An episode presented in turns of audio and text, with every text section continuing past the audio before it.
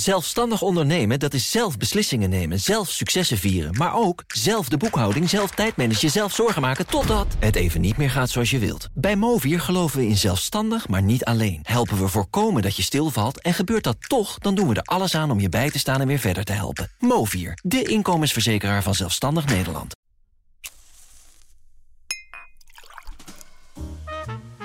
Seizoen 2 van De Stijlpastoor met Arno Kantelberg. Stijl maakt je leven zoveel mooier. Maar het gaat niet vanzelf. Je zult ervoor moeten werken. Niet gevreesd, de Stijlpastoor is er voor jou. Ik neem je mee langs de crème de la crème van Nederlandse kenners en makers. Op zoek naar die dingen die het leven glans geven. Van het mooiste horloge tot de meest smaakvolle wijn. Wat drink je? Wat draag je? En hoe doe je dat? Samen, beste Nederlandse man, komen we er wel.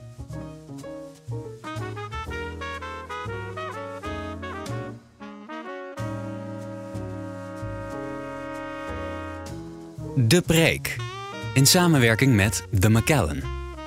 In een van mijn favoriete films, Sideways, is van begin deze eeuw, zegt Paul Giamatti, hij is een van de twee hoofdrolspelers, op een bepaald moment, voordat ze een wijnbar inlopen, hebben dan een afspraak met twee dames. En hij zegt tegen zijn vriend, if they order a Merlot, I'm out of here. Vanaf dat moment heb ik eigenlijk geen Merlot meer durven bestellen, terwijl ik Merlot eigenlijk best lekker vind. Want er is eigenlijk geen terrein dat zo doordrongen is van snobisme als de wijnen. Waar ik dus blijkbaar ook gevoelig voor ben. Kan Wouter Aals mij weer aan een Merlot helpen? Wouter Aals is eigenaar van Paskamer, dat is een wijnbar in Amsterdam, in de Amsterdamse Pijp. Niet zomaar een wijnbar. Eh, Vorig jaar uitgeroepen tot wijnbar van het jaar. Best een, gerenommeerde prijs. Dus Wouter is een man met kennis van zaken. Bij Paskamer zet de stijlpastoor vandaag zijn tentje op.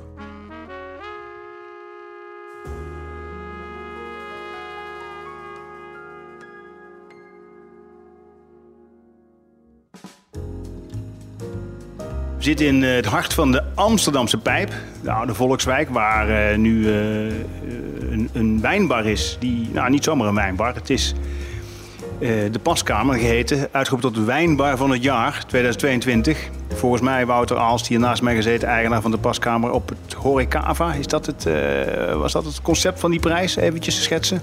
Eh, ja, ja, ik werd eh, gesommeerd om eh, naar de horecava te komen in januari inderdaad. En daar was, was de uitreiking. Ja. Ja, om een prijs in ontvangst te nemen. Wine Bar of the Year. Is een, is een vakprijs, hè? Ik geloof dat kenners het... eh, het is Ja. niet... nee, het is geen publieks vakprijs. Dus ik zeg, het is niet zomaar een wijnbar met overigens de... Ja, naam de paskamer. Als je langs zou fietsen zou je denken... ik kan hier ook een eh, mooi getailleerd pak halen. Is niet zo volgens mij. Nee, nee, nee, nee. Soms heb je wel eens dat als je ergens te lang over nadenkt, dat je de enige bent nog die het begrijpt. En dat is ons een beetje met de naam eh, eh, gebeurd. Wij hadden, hebben de ambitie om de gerechtjes en de wijnen op elkaar af te stemmen op een manier dat de gast niet de kennis ervan hoeft te hebben. Dus de gast zegt, ik heb hier en hier zin in. Dat profiel vertalen wij naar, dan kunnen we deze wijn laten proeven. En dan hebben we ook een idee welke gerechtjes daar dan lekker bij zijn. En in zo'n brainstorm zijn we tot die naam gekomen dat we eigenlijk maatwerk willen leveren als het gaat om wijn en spijs. En dus ook de, eh, de wijnen afstemmen eh, voor de gasten op basis van meer een eh, bazaal smaakprofiel dan op... ik wil die wijn weer drinken van die vakantieplek waar ik ooit geweest ben, maar ik weet de naam niet meer. Eh, maar dat het echt over smaak gaat. En daar, daar komt eigenlijk die, die naam vandaan. Maar die is dusdanig ingewikkeld dat we hem zo vaak moeten uitleggen... dat, dat ik inmiddels na acht jaar wel zeker weet dat hij niet dat hij te ingewikkeld is. Ja, ja, je hebt er ook zonder lullig te doen veel woorden voor nodig, Wouter, om het uit te leggen. Maar je, je tailleert als het ware eh, de wijn Ja. bij de gerechten, bij de klant. Hoeveel wijnen staan er hier? Eh, er staan er 50 open, ik denk meestal 55. En we hebben op fles hebben we een selectie van 350 wijnen. Alle landen, alle wijnlanden? Eh, nagenoeg alles binnen Europa. Niks buiten Europa. Als we, Georgië is het verste wat we, wat we hebben. Wel Georgië, geen Nieuw-Zeeland, geen Zuid-Afrika. Nee, nee, het is een bewuste keuze geweest om eh, iets dichter bij huis te blijven. Eh, ook omdat het zo is dat, ondanks dat we 350 wijnen hebben, dat er nog steeds heel veel wensen zijn van dingen die ik ook zou, eh, zou willen hebben. En de tweede gedachte die daar aan vast zit, is dat ik het heel vaak ook een raar verhaal vind dat er een biologische wijn uit Australië komt, eh 30.000 kilometer in een container, die dan niet per se iets doet wat een wijn niet zou kunnen, die, die ik van dichterbij zou kunnen halen. Want, eh, logisch. Want, eh, maar goed, Europa is ook Nederland dus. Europa is ook Nederland. En dat is bijvoorbeeld een van die paar landen in Europa die ik nu niet op de kaart heb staan. Ik heb wel eens met Nederlandse wijnen gewerkt. En uh, soms flirt ik daar nog steeds wel een beetje mee. Alleen meestal is het zo als ik Nederlandse wijnen in een prijs-kwaliteit perspectief plaats, dat ik toch iets anders concurrerender vind. Dat ik eigenlijk meer wijn voor hetzelfde geld schenk. Ondanks dat mensen het wel leuk vinden, Nederlandse wijn. Alleen, uh, ik moet zeggen, het gaat echt de goede kant op. Uh, alleen de goede Nederlandse wijnen vind ik dan vaak wel aan de bovenkant geprijsd. En dus, dus dat is dan weer een overweging. En daarnaast is het zo dat heel veel horeca op dit moment ook op die Nederlandse wijn duikt. Dus het is niet per se, denk ik, in Amsterdam in de pijp meer de allerverrassendste wijn om te hebben. Nee, dus voor de originaliteit hoef je niet te doen. Zeg jij, smaak is prima, maar de prijs is, er is iets aan de prijs dus blijkbaar. Dus mensen vinden het sympathiek, maar goed, een portemonnee speelt een rol. Kan het dan dat die Nederlandse wijn relatief duur is? Het kunnen geen vervoerskosten zijn. Nee, nee, nee. En dat is, maar dat, dat, dat verbaast me ook altijd. Die voerskosten die zijn wel hoger geworden, maar valt nog steeds wel zo mee. Uh, het heeft te maken met, uh, met schaarste, met dure arbeid, hoge belastingen. En het feit dat natuurlijk in Nederland niks tegen een volume geproduceerd wordt. Waarbij je echt substantieel wat aan die kosten kan doen. Duidelijk. en ook even, dan houden we er ook op verder. Maar de, de, de meeste aantal wijnen hier uit welk land? De, de... Ik gok Frankrijk, maar... ik, ik, ik denk dat dat netto wel klopt. Maar ik denk dat wij uh, een behoorlijk sterke vertegenwoordiging van Italië hebben. En, en daar zit een... Uh, daar zit, uh, ik doe heel erg mijn best om voor iedereen wijn te hebben. Maar er, zit, er kruipt natuurlijk altijd een zwaartepunt richting persoonlijke voorkeur. En ik heb mijn laatste wijnstudie gewijd aan, aan Chianti Classico. En ik denk wel dat je dat in de wijnkaart enigszins terugziet dat daar wel een aantal lievelingen bij zitten. Is verstand van wijn hebben, is dat een talent wat je ook moet uh, hebben? Hè? Dus de smaak heb ik het dan eigenlijk over. Je kunt heel veel leren, kennis, data, et cetera. Maar de smaak, is dat een talent wat je van, van uh, ons lieve Heer moet hebben meegekregen? Nee, dat is wel dat is een heel hardnekkig gevoel wat mensen hebben. Ik kan dat denk ik het beste duiden door te zeggen dat wij, wij hebben ook een, inmiddels een Wine Academy. Dus wij geven wijnopleidingen, cursussen. En eigenlijk elke cursus die bij mij in een nieuwe groep instroomt, die is onzeker over het proeven. En dus iedereen denkt van oké, okay, ik kan wel goed leren, maar ik kan niet proeven. En inmiddels weet ik wel vrij zeker dat, ook tussen jou, jou en mij bij wijze van spreken, dat er heel weinig verschil zal zitten in het vermogen om te proeven. Maar het werk zit, het in, zit erin dat, uh, dat we in essentie uh, woorden aan sensaties koppelen. He, dus we hebben een sensatie door iets te ruiken of iets te proeven in onze mond. En als je er heel veel tijd in steekt om elke keer die sensatie te duiden en daar een woord aan te koppelen, dan is het net als met heel bazaal studeren. Dan slijp je dat in en op een gegeven moment gaat jouw brein gaat dat woord weer herproduceren op het moment dat je diezelfde sensatie hebt. Dan wordt het gewoon een soort van knop waarop gedrukt wordt. Dus dat is echt een soort van muscle memory, maar dan anders. Dus, uh, uh, dus mijn, mijn stellige overtuiging is dat uh, iedereen kan leren proeven. Kees van Kasteren, Master of Wine, heeft daar ook een paar jaar geleden een boek over geschreven. Iedereen kan proeven als een pro. Uh, en ik, ik, ik denk dat ik dat met hem eens ben. Dat dat, het is echt een soort skill. Maar is het dan ook zo dat je, hoe meer je drinkt, hoe beter je, hoe beter je smaak is? Nee. Nee, want dat is, dat is een, uh, denk, denk een hele goede vraag. Maar daar moeten we denk ik het verschil duiden tussen drinken en proeven. Hmm. Want uh, drinken doe je eigenlijk zoals heel veel mensen tegenwoordig heel veel dingen doen, met heel weinig aandacht en proeven, dan gaat het over de wijn. En de meeste wijn verdwijnt, denk ik, toch zonder enige notie van wat de haakjes dan zijn waar je zo'n wijn aan kan, uh, kan ophangen. Ja, en die Master of Wine? Uh... Dat is, uh, Master of Wine is een beetje de heilige graal binnen wat je kunt studeren op wijn. Daarvan hebben we er drie in Nederland op dit moment. En uh, ik heb mezelf onlangs ervoor aangemeld. En ik ben in afwachting van of ik mag starten bij ze. Dus, uh, dus ik heb uh, ook die ambitie om die Olympische beproeving aan te gaan. in de komende drie tot vijf jaar zal ik daar ongetwijfeld over doen. Waarbij ik wel moet zeggen dat maar 10% van de mensen die dat starten het ook gaan halen. Dus ik wil hier op geen enkele manier een voorschot nemen op het feit dat ik, uh, dat ik het ook ga redden. Uh, maar de, die ambitie is er wel. Dat is de stap die ik nog kan nemen. Ja, er zijn er drie in Nederland. Ja. Dus dit is echt. En ik, ik, ja, ik ken ze niet, jij wel, neem ik ja, aan. Dit, is, dit is in de wijnbranche, dus de Champions League. Ja, Dus dit is Messi, Ronaldo, Ja. Mbappé. Ja, exact. Ja, dus wereldwijd zijn er 416 op dit moment. Dus het is een vrij exclusief eh, genootschap. Het is echt een ja, een soort van eh, eh, ja, instituut. En dat zijn de mensen die wereldwijd geconsulteerd worden door de grote producerende bedrijven, maar ook de retailers. Dat zijn de, de orakels. Ik kan me zo voorstellen dat, een, dat mensen, ja, ze komen hier binnen omdat ze zin hebben in, in wijn. Dat is evident. Heb ik zelf ook wel eens. Alleen weet ik, ik weet nooit zo goed in welke wijn ik dan zin heb.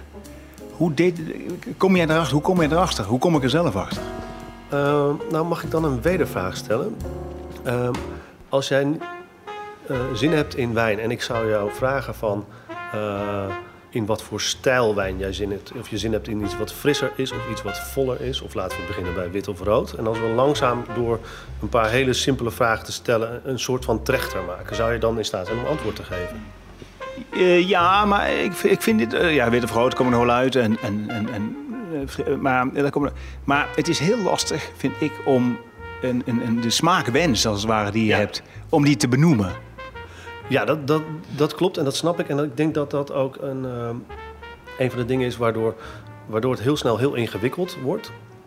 Omdat uiteindelijk heel vaak in de uiteindelijke appreciatie van de gast van de wijn een factor als hoeveel zuren heeft het, hoeveel alcohol heeft het, eh, is het boterig, Hè, wat, is, wat is het mondgevoel, eigenlijk heel vaak veel meer invloed gaat hebben of de gast zegt dit vind ik lekker of niet, dan of het smaakje van rode kers of lavendel daar precies in, eh, in, in opkomt. Dus het is eigenlijk denk ik onze eerste taak om goed in te schatten of je behoefte hebt aan iets wat heel fris is. En als een sommelier fris zegt, dan bedoelt hij eigenlijk zuren. Maar als wij het woord zuren gebruiken, dan willen mensen het niet. Terwijl, dus, dus mensen vragen soms zelfs expliciet om een hele frisse wijn met niet te veel zuren. Dat, dat, dat zijn uitdagingen. En kijk, we gaan proberen dan met drie, vier vragen eh, een heel grof profiel te krijgen. En dan is de volgende stap, ik ga je iets laten proeven. En afhankelijk aan de hand van jouw reactie daarop krijg ik een idee of ik goed zit of eh, meestal kunnen we dat aan het gezicht van de gast zien, eh, of dat ik nog iets anders moet laten proeven.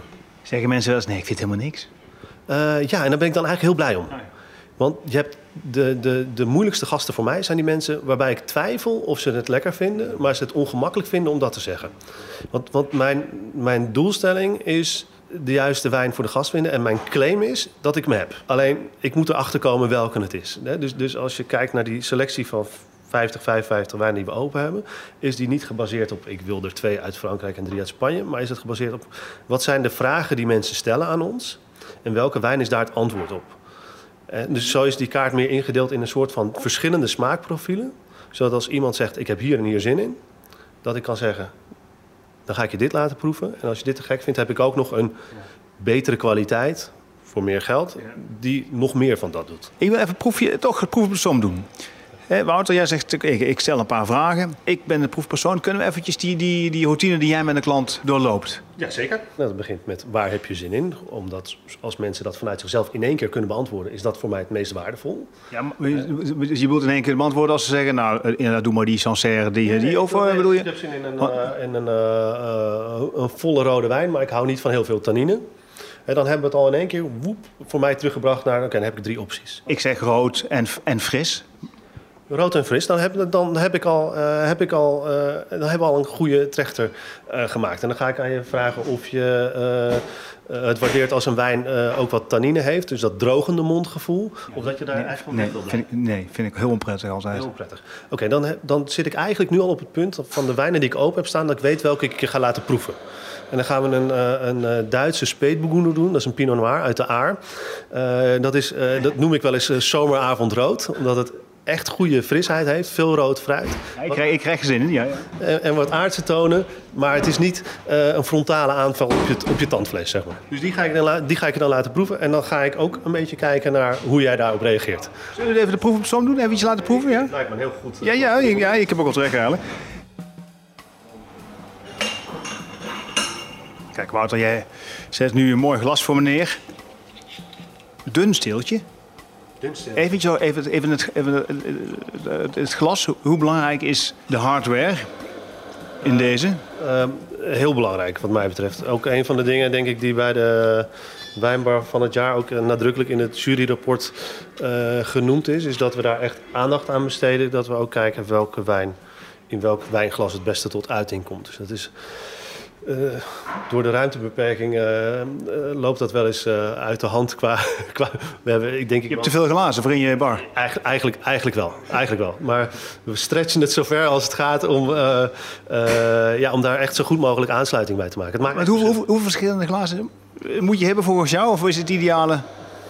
Nou, kijk, als je als je meneer uh, Riedel, een van de belangrijkste producenten, moet geloven, dan moet je voor elke wijn een apart glas hebben. En uh, ik heb me daar wel eens in verdiept en ben ook naar glaswerkproeverijen gegaan. Hè, dus dezelfde wijnen in verschillende glazen proeven. Dan merk je dat dat echt wel impact heeft. En vervolgens moet je gaan kijken, denk ik, naar van oké, hoe ver kan ik dit redelijkerwijs ook waarmaken op een drukke vrijdagavond voor al mijn gasten. En, en, en, uh, en ik denk dat we dat een heel eind redden.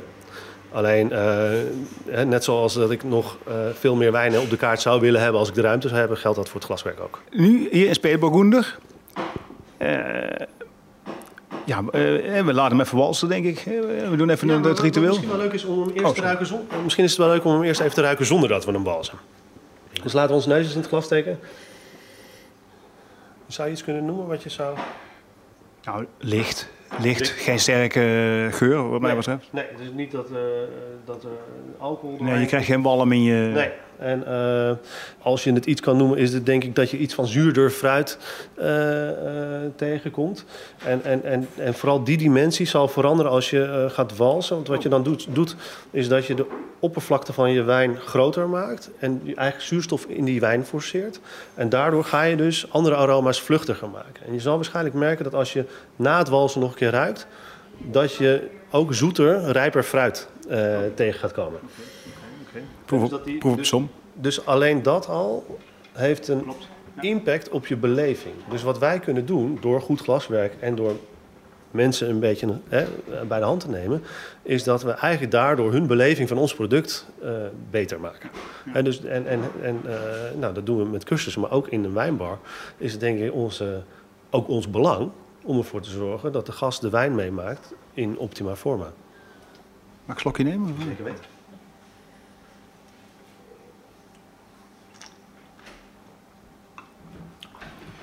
Ja, Pinot Noir, hè? Pinot Noir. Lekker. Ik ben, nu, ik ben nu heel benieuwd of dit de wijn is waarvan je niet wist dat je er zin in had. ja. Uh, ja, want hij is fris. Hij is rood, dat kunnen we zien, maar hij is fris. Uh, en niet die tannine, wat ik niet, dat vind ik, nee, dat, dat, dat plakkerige, daar hou ik nooit zo van. Ik neem gewoon nog een slokje. Ja. Mm. Ik doe hem niet door de tanden, wat jij wel deed, hè, want dat, dat hoort. Hè. Ik geloof dat je moet een beetje slurpen. Hè, dat best on, onsmakelijke... ja, ja, nee, kijk, dat, dan, daar moeten we eigenlijk nu eerst over afspreken of we aan het drinken of aan het proeven zijn. dat is, ik ben aan het drinken. Jij bent aan het drinken. Nee, en eh, en ik, mijn, mijn uh, standaardmodus is, uh, is proeven, dus dan slurp ik. Daar, daar word ik thuis veelvuldig op aangesproken. Want dat is inderdaad minder prettig. Maar het, waarom we dat slurpen doen, is omdat we dan eigenlijk in onze mond dat walsen nog een keer doen. En meer dan 80% van de dingen die wij denken te proeven, zijn eigenlijk een waarneming van geur. Dus in onze mond breken we die wijn nog een keer open. Daardoor komt er oneindig veel meer oppervlakte. Wijn in aanraking met zuurstof. En eigenlijk zijn de aroma's die wij dan via ons reukorgaan op de heenweg, maar ook op de terugweg bij het uitamen waarnemen, gaan wij dan als smaak benoemen omdat die wijn in onze mond zit. Maar eigenlijk is dat sensorisch iets wat van onze neus vandaan komt. Ja, ja ik heb soms het idee, maar misschien dat ik dat verkeerd inschat... en is dat mijn eh, cynische waarneming... dat het ook wel een manier is voor mensen om te laten zien... kijk, mij is een, een connoisseur zijn. Eh, ik, ik, uh, ik, ik, durf met aan zekerheidsgrenzen en waarschijnlijkheid te zeggen dat dat heel vaak het geval is. Ik denk dat er ook een heleboel mensen aan het walsen zijn met hun glas zonder dat ze weten waarom ze dat doet, doen. En zo zijn er in de wijn denk ik nog wel meer uh, ballonnetjes die hier en daar lek geprikt uh, kunnen worden. Uh, hangt een beetje dat snobisme hangt eraan natuurlijk. Ja, maar ik zie het wel als een van mijn taken om daar langzaam maar zeker wat aan, aan te doen. Want ik denk dat, en ik, ik, ben er overigens optimistisch over als ik zie hoe jong de mensen zijn die een cursus komen doen. maar nog steeds is voor te veel mensen wijn een intimiderend product. En die worden dan geïntimideerd door mensen die ook niet altijd weten wat ze aan het doen zijn. Maar wij zijn hier, wij zijn hier dit doen wij nu ook om het snobisme een beetje weg te halen. Maar toch e- eventjes in, het, in, in, in hetzelfde, misschien in het verlengde daarvan, de natuurwijn. Eh, moet, eh, moet ik die onder dezelfde S van snobisme eh, zetten? Uh, Oeh, dat is een gevaarlijke, uh, want er zijn veel meningen over.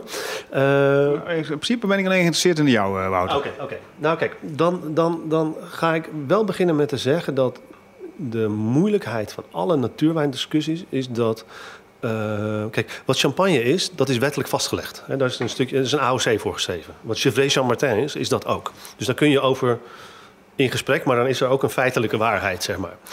Uh, natuurwijn is geen wettelijk vastgelegd fenomeen. Dus er zijn producenten die uh, zeggen: ja, ik uh, maak natuurwijn, maar ik doe nog wel wat sulfiet erbij voor het bottelen. Uh, dan is die wijn stabiel en dan is het nog steeds hartstikke puur natuur. Want hier verschilt de natuurwijn van de gewone wijn, geen sulfiet. Dat is wat de, hè, de hardliners zeggen, van niks anders dan gefermenteerd druivensap. De voeten stampen, hè, dat is net, ligt er net aan hoe ver je wil gaan. maar in ieder geval geen enkele uh, toevoeging en al helemaal niet iets wat in de industrie gekocht wordt. Alleen als iemand daarin uh, in marchandeert of een andere visie daarop heeft, is het nog, overtreed je nog steeds geen enkele wet. Hij mag, er, hij mag nog steeds natuurwijn noemen. Exact. Exact. En dus dat maakt het al heel, een, een heel ongrijpbaar uh, verhaal. Verder is het zo dat de claim die veel natuurwijnadepten maken, dat het. Uh, en hier kom ik op, uh, hier ga ik reacties op krijgen. dat de, uh, de conventionele wijnen staan voor uniformiteit. Hè, uh, en dat natuurwijnen uh, levendig zijn en juist hele bijzondere smaken kunnen hebben die andere wijnen niet hebben. Dat is soms ook waar. Maar in natuurwijn zitten zo vaak fouten.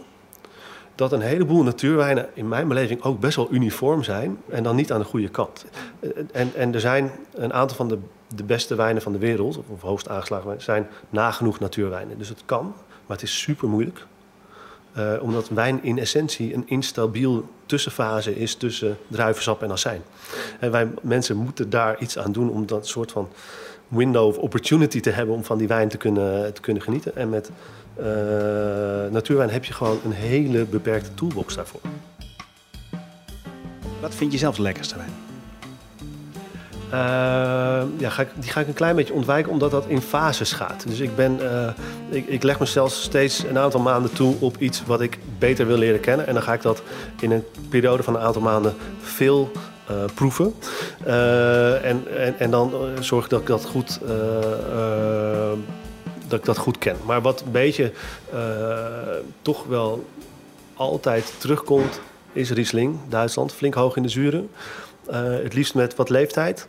En, uh, en Chianti Classico, uh, daar ben ik ook wel erg verknocht aan geraakt. Dus dat, dat zijn wel de dingen die ik altijd heb. Ja, grappig. Chianti. Ja, ik ben zelf ook liefhebber van Chianti, ook van Italiaanse wijnen. Ik heb daar geen verstand van, maar ik vind dat vaak lekker. Maar ik dacht dat het een beetje een gemiddelde wijn was. Nou, kijk je de Merlot onder de Italiaanse ja, wijnen? Ja. Nou, kijk, ze hebben in Italië uh, uh, hebben ze er ook een tijd lang uh, alles aan gedaan om dat niveau omlaag te krijgen. En dat is, ik weet niet of, het, of daar de ruimte is, maar, maar wat, wat specifiek met Chianti gebeurd is, is dat het was een wijn van de aristocratie. En in de jaren 30 van de vorige eeuw was er een meneer Mussolini die in het uh, kabinet kwam. En die vond dat uh, het voor het volk moest zijn. Dus naar goed Italiaans gebruik hebben ze een, succesvolle kleine regio acht keer zo groot gemaakt. Waardoor er inderdaad voor iedereen Chianti beschikbaar kwam. Maar ook uh, het niveau hopeloos achteruit holde. Ja, het is een beetje... Ja. Maar als iemand hier in Merlot bestelt, je stuurt ze niet weg. Nee, zeker niet. Zeker niet. Nee, nee, die Merlot-uitspraak is natuurlijk beroemd uit Sideways. Hè? Die, die beroemde... If they order Merlot, I'm out of here. Ja, ja, ja. Uh, nee, uh, ik, ik, denk dat het uh, dus bijvoorbeeld juist aan ons is om te laten proeven dat er ook hele mooie Merlot is. Alleen Merlot is een beetje... Dat, Chardonnay heeft dat een beetje ook. Merlot doet het goed in verschillende klimaten. Het heeft niet superveel zuren, niet superveel tannine. Het heeft sneller wat meer body en wat fruit. Dus het is een wijn die zich eigenlijk goed leent om heel veel en heel goedkope wijn van te maken. Maar een Chateau Petrus uit Bordeaux is ook een 100% Merlot van 2000 euro per fles. En die laten die mensen echt niet staan. Dus, dus de potentie is enorm. Alleen de potentie is er dus ook, net als met Chardonnay, om, ook, om ook bulkwijn ervan te maken. Ik, uh, ja, ik krijg, ik krijg er dorst van, wil ik zeggen. Ik, ik krijg sowieso dorst van. Dus ik neem even stiekem een slokje. Overigens, ja, maar hij is heerlijk, vind ik gewoon. Wel prettig, uh, toegankelijk. Uh, daar hou ik van. Uh, wat reken ik hier vooraf bij jou? 8,25 euro voor een glas. Ja. Instappertje? midden, ja. ja, ja midden, oké, oké, oké, prima. Is er een verschil tussen man en vrouw in wijnconsumptie hier bij jou in de wijnbar, de paskamer? ja, sowieso hebben we een oververtegenwoordiging van, van vrouwen. wat hartstikke leuk is, want vrouwen vinden het makkelijker dan mannen om te zeggen: Ik heb zin in deze en deze en deze smaken. En mannen blijven toch meer van uh, name dropping. Hmm. Ik heb dit wel eens gedronken. Of wat is de duurste wijn die je hebt dat gespeeld? Vrouwen zijn vaak. Ja, heb jij eens iemand die vraagt wat is de duurste wijn die je hebt? Doe die maar. Nee, niet doe die maar. Ja, nee. maar wel wat, wat is de duurste wijn. Dus je ziet wel patronen in hoe mensen bestellen. De, het is ook een heel duidelijk patroon uh, van uh, de date. de, de man die dan de wijn moet bestellen, maar er eigenlijk niks van weet, maar geen hulp durft te vragen aan ons. dus die bestelt de één na goedkoopste die hij herkent. dus daar zitten allemaal hele duidelijke uh, patronen. Die kunnen we eigenlijk al gaan inschenken. Ja. Zal diegene nog naar de kaart kijken? We hebben hem al een keer. Ja, ja. ja, we hebben hem al, meneer. Absoluut. precies. Dat, is, dat zouden we eigenlijk doen. Dan doen we hem alleen geen plezier mee. Nee. Maar ik, uh, jonge mensen, ook jonge mannen...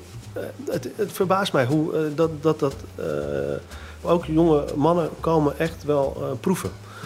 Dus, dat is wel, dus dat is wel leuk. Iemand zei het laatst tegen mij van dit is een generatie die meer flavorled is.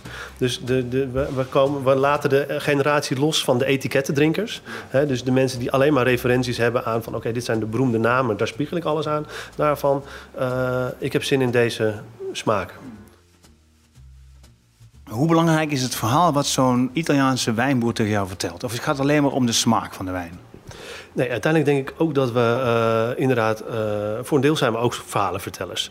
Ik heb een van mijn favoriete wijnmakers, uh, is een eigenwijze Engelsman. En toen ik die voor het eerst belde van, mag ik een keer komen kijken? Toen zei hij, je weet hoe wijn gemaakt wordt, toch? Ik zeg, ja, laten we gaan lunchen. En dat heeft mij eigenlijk veel meer opgeleverd. En ik heb daardoor eigenlijk veel meer begrip gekregen... dan dat ik het zoveelste grote houten vat of betonnen cuve nog een keer zie. Dus ik vond dat heel eh, heel zinvol. Ik, ik, heb, ja, ik heb een beetje, een beetje trek. Ja. Wat heb, heb je nog iets lekkers? Ja. ja hè? Zullen we, uh, zullen we uh, één tandje opschalen van wat we nu in ons glas hadden? Het één, één tikje uh, steviger. En dan lijkt het me leuk om een van mijn Engelse vrienden die in Italië wijn maakt te laten proeven. Sean O'Callaghan, Il Greccio. En Il Greccio laat zich vertalen als The One-Eyed Rascal.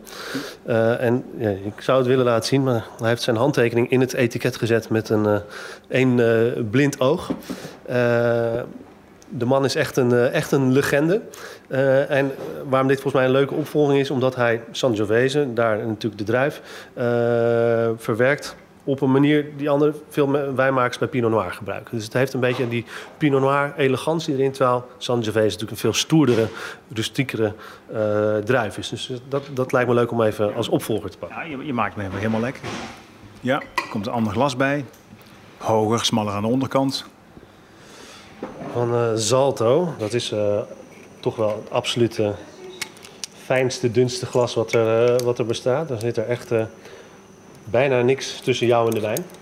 Uh, maar ook met, met glazen speelt bijvoorbeeld een rol dat je ziet dat deze wijn een andere. Dit glas heeft een andere hoek hè, dan, dan de eerste, het eerste wijnglas wat we gebruikt hebben. En op het moment dat je een, een meer taps toelopende hoek hebt, dan zal je, zonder dat je het merkt, meer naar achteren gaan om de wijn binnen te krijgen. Dus je krijgt die wijn dan eigenlijk op een andere plek in je mond binnen.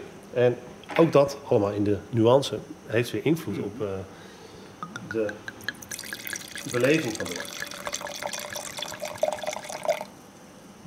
Chianti Classico 2020 van Tenuta di Carleone. Dat klinkt natuurlijk heel erg Italiaans, maar dat is gewoon een Zwitser die Karel heet. en die uh, een uh, heel mooi uh, domein daar gekocht heeft. En die huurt dan Sean in om daar wijn te maken binnen zijn geheel eigenwijze stijl. Dit is de eenogige Engelsman. Ja. die ja, blijkbaar ooit in Italië terechtgekomen om daar wijn te gaan maken. Ja, ja, ja, ja. en dat uh, uh, nou, op een vrij eigenwijze manier uh, is gaan doen. En daar eh, succes mee heeft. En ook een, eh, ja, inmiddels toch wel eh, wereldwijde mensen hem in volgen. Ik ben net terug uit New York voor vakantie vorige week. En ik kwam een wijnwinkel in, omdat ik toch wel altijd even een wijnwinkel dan inren. En daar liep ik ook tegen dezezelfde fles aan. In New York. In New York. En eh, ik heb het een uur over Sean gehad met, met degene die daar achter de toonbank stond. Omdat hij ook met hem had geluncht.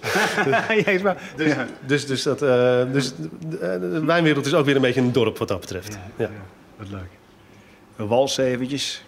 Maar we ruiken ook even. En de neus helemaal in het glas, hè? Jij doet hem echt Ja, eh, ja. bijna vacuüm op. eh, Ja, ja ik haal hem, ik haal hem eh, goed binnen. Ja. Dat, ja. Ja, moet- Je moet je niet generen. Hè? Je moet dus echt gewoon je neus helemaal erin duwen. ja, als, als het gaat om, om inderdaad zoveel mogelijk uit de wijn halen, om hem zo goed mogelijk te begrijpen, is denk ik wat dat betreft alles geoorloofd. Hè, maar dat is weer los van hoe zit je in een restaurant. Ja, eh, daar, zullen, daar, geldt natuurlijk weer een beetje andere spelregels. Maar ja, als ik echt ga voor, puur voor de wijn, dan, eh, dan haal ik hem flink binnen. Ja. Ja. Ja, ik, ik kan het heel ingewikkeld maken, maar ik vind hem gewoon lekker. Dat is, uiteindelijk, dat is uiteindelijk als je op de stoel van de gast zit, het enige wat je, eh, wat je te doen hebt. Eh, wat, en, en voor ons, eh, vanuit de wijn, is, dat, is, is het ook weer grappig dat lekker ook weer heel erg onbetrouwbaar is. Hè, je kan ooit op een, op een andere plek, in een ander humeur, dezelfde wijn krijgen en hem misschien minder lekker vinden. Hè? Omdat dus dat, wat, hè, ons geheugen wat dat betreft onbetrouwbaar is. Maar als je zegt van oké, ik heb daar die wijn gedronken en die smaakte naar dit, dit en dit. En hij had zoveel zuren en zoveel tannine. En je proeft later diezelfde wijn, dan kan je dat waarschijnlijk wel eiken. Dan kan je hem eh, herleiden wat dat betreft. Is er één wijn, Wouter, dat je zegt: ik, ik zat daar en ik dronk hem en ik denk: dit is ja, grote klasse.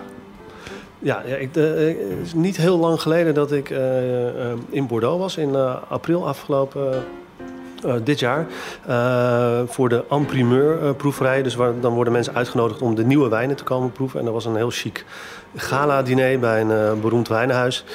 Eh, en daar zaten 800 mensen, allemaal ronde tafels van 10 personen. En daar werden hele oude waanzinnige Bordeaux's geschonken. En op een gegeven moment bij het hoofdgerecht kwam er een Chateau Latour 1999. Eh, en ik denk dat ik die smaak nooit meer ga vergeten. Maar wat ik eigenlijk op dat moment, wat heel conflicterend was, is dat ik eigenlijk heel graag mijn glas wilde pakken en die ruimte verlaten. Ik wil, dat was nou echt zo'n wijn waar ik zelf even een blokje om mee wilde lopen, om dat heel goed eh, in me op te nemen. Heb je niet gedaan? Nee, want dat was ongepast, want ik was uitgenodigd. Maar, maar die, die wijn, hè, we hadden het eerder over, eh, een, een wijn heeft dan een bepaalde aandacht nodig. Ik, dit was dat glas wat ik heel graag, heel desperaat veel meer aandacht wilde geven. Omdat eh, dat, was, hè, dat ging niet over dat je een rijtje smaken, maar dat ging echt onder mijn huid zitten. Het was echt letterlijk eh, kippenvel. Je wilde dat moment savoureren als het ware. En eh, buiten eh, jij en dat glas wijn. Jij en je Bordeaux. Ja, ja zo, dat is iemand dat een keer ook heel poëtisch omschrijft. hè. Met een mooie wijn maak je een blokje om. Je gaat elkaar steeds beter leren kennen. Je gaat een andere kant van elkaar eh, kunnen zien. En die ervaring had ik met dat glas had ik mezelf heel erg gegund. Chateau Latour 1999. Hè? Ja. Dat, is, dat is hem, hè? Is, dat, is er overigens... Heb je een... Is er één jaar... Ja, maar ik, ik, ik stel dit soort vragen, maar... is er één jaar waarvan je zegt dat was het topjaar? Het topwijnjaar? Nou, ik, ik, ben, eh, ik ben de laatste tijd best wel veel met Bordeaux bezig. En Bordeaux is bij uitstek zo'n wijngebied waarbij men heel erg over jaren praat. Omdat dat heel grillig is, het klimaat daar. En eh, ja, daar zie je wel dat... eh, wij hebben onlangs een hele mooie Bordeaux uit 2005 open mogen maken. Dat dat jaar er dan echt wel uitspringt met de omliggende jaren die we dan ook een keer geproefd hebben. 2009, 2010 ook echt eh, waanzinnig, waanzinnig mooi. Dus in, in, in, in, in een gebied als Bordeaux maakt dat jaar inderdaad heel erg veel verschil. Maar dat doet hij helaas ook in de prijs.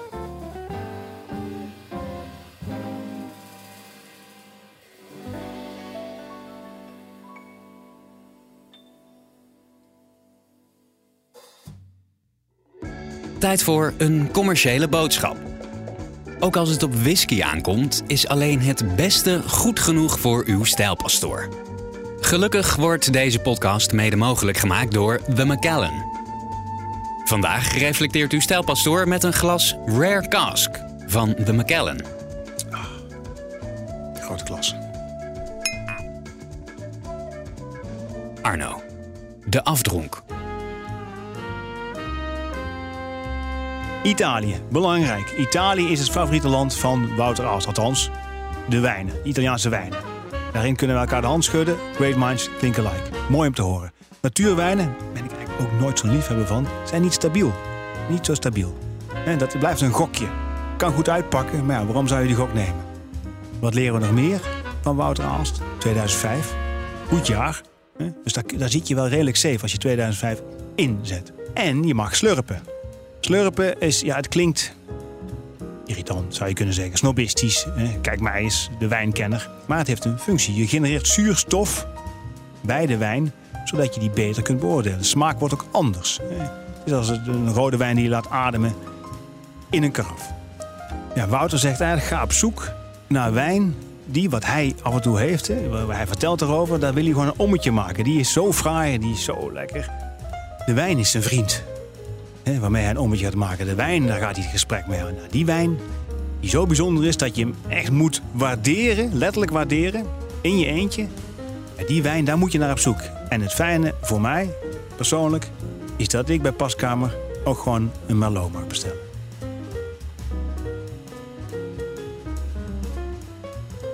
Tot zover de Stijlpastoor. Abonneer je op deze podcast en mis geen aflevering. Dan kom jij als stijlvolle man nooit meer onbeslagen ten.